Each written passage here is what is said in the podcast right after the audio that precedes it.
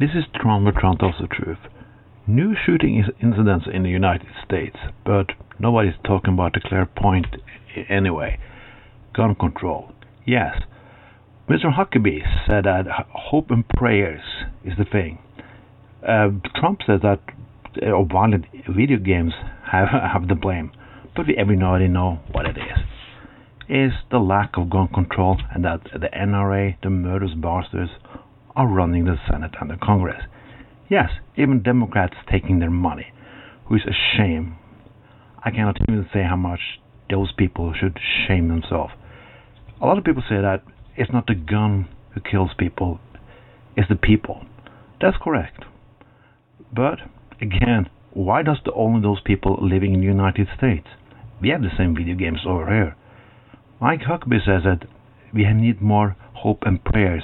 Oh yes, Europeans are more atheist and have less gun violence. Maybe the religion is a problem, not fucking hopes and prayers.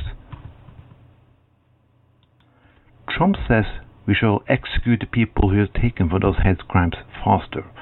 But what do that help? People still gonna go on on weapon spread and kill people anyway. The problem is, like it always is, it's you. Yes, it's you Americans. You are gun fucking nuts and you don't want to do anything about it. You know the problems and you have the solutions, but you don't want either. On climate change, no, you don't want to deal with that. Even the science it says so. On the, gun and violence, you know what the problem is, but still, again, you don't want to do something about it. It is election time again, and still people not going to do anything about it because we have those people who vote for Trump and love guns, and you have those Democrats who love guns, and have those people who hate guns who not think, oh, my voice doesn't matter anyway. I have talked so many times about this um, on Tron Tells the Truth, but again, you're not going to change the system overnight. If you want to change the system, you have to take it gradually, and with small steps. It's better with small steps than no steps at all. The gun problem is basically American problem. No democracy around the world have those problems you have. You know the solution, but you refuse to do anything.